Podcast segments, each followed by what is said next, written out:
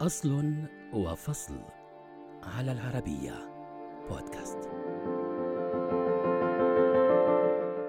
لم يكن يوما عاديا في حياة الطبيب الفرنسي ريني لينك عندما طلب منه تشخيص شابة تشعر بألم في قلبها. بل ربما كان ذلك اليوم هو الأهم في تاريخه وأحد أهم المواقف التي قادت لاختراع واحدة من أهم أدوات الطب. تعود أحداث هذا الموقف إلى العقد الثاني من القرن التاسع عشر وكان التشخيص آنذاك يعتمد على أن يضع الطبيب رأسه على جسد المريض ويستمع لدقات قلبه. لكن ولأن المريض في هذه الحالة فتاة فقد شعر ريني بالخجل ما قاده للبحث عن وسيلة أخرى للفحص. سكن ريني قليلا قبل أن يعود بذاكرته إلى صورة طفلين كانا يمارسان لعبة بسيطة باستخدام أسطوانة مثقوبة من الجانبين. مبدأ اللعبة هو أن يقوم أحد الطفلين بوضع الأسطوانة على أذنه فيما يقوم الآخر باستخدام أداة معدنية صغيرة كالدبوس بضرب الطرف الآخر من الأسطوانة فيسمع الطفل الأول أصواتا أكثر حدة ووضوحا. نظر الطبيب الفرنسي حوله فوقع نظره على مجموعة من الأوراق في غرفة الفحص ثم جمعها وصنع منها اسطوانة ثم طلب من المريضة وضع طرفها على الألم ووضع الطرف الآخر على أذنه. ثم كانت المفاجأة بأن الفكرة نجحت والصوت انتقل من جسم المريضة إلى أذنه بوضوح فشخص مريضته وفكر في أن يطور الفكرة لاحقا. جرب رينيه بعدها استخدام مواد مختلفة غير الورق وواصل بحثه في علم الصوتيات لابتكار ما قد يكون مقدمة لمرحلة جديدة في التشخيص الطبي. وفي عام 1819 تمكن من تصميم النموذج الأول للسماعة الطبية.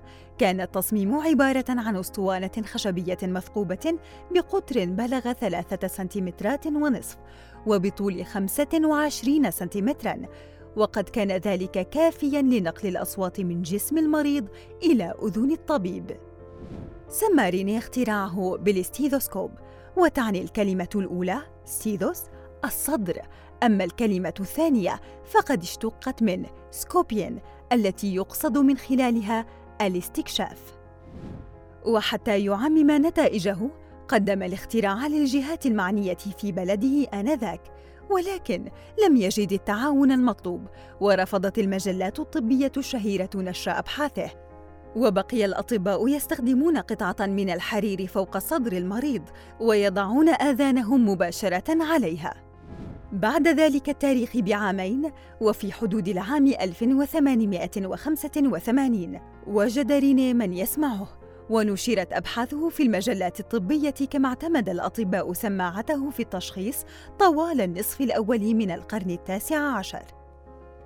خلال الفترة ذاتها خضعت السماعة البدائية للعديد من التعديلات وفي عام 1830 استطاع بيير بيوري أن يقدم تصميماً أفضل عندما طور الأسطوانة إلى أنبوبين مطاطيين يربطان قطعة الصدر إلى أنابيب معدنية تتصل بسماعات الأذن وأضاف جزءاً من العاج على قطعة الأذن.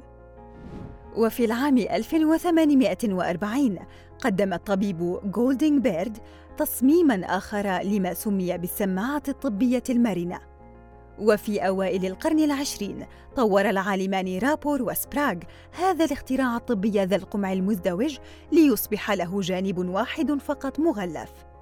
وفي سنة 1961 جاء الطبيب ديفيد ليتمان بإضافات جديدة وزودها بقمع قابل للتغيير وبذلك وصلت إلى شكلها الحالي.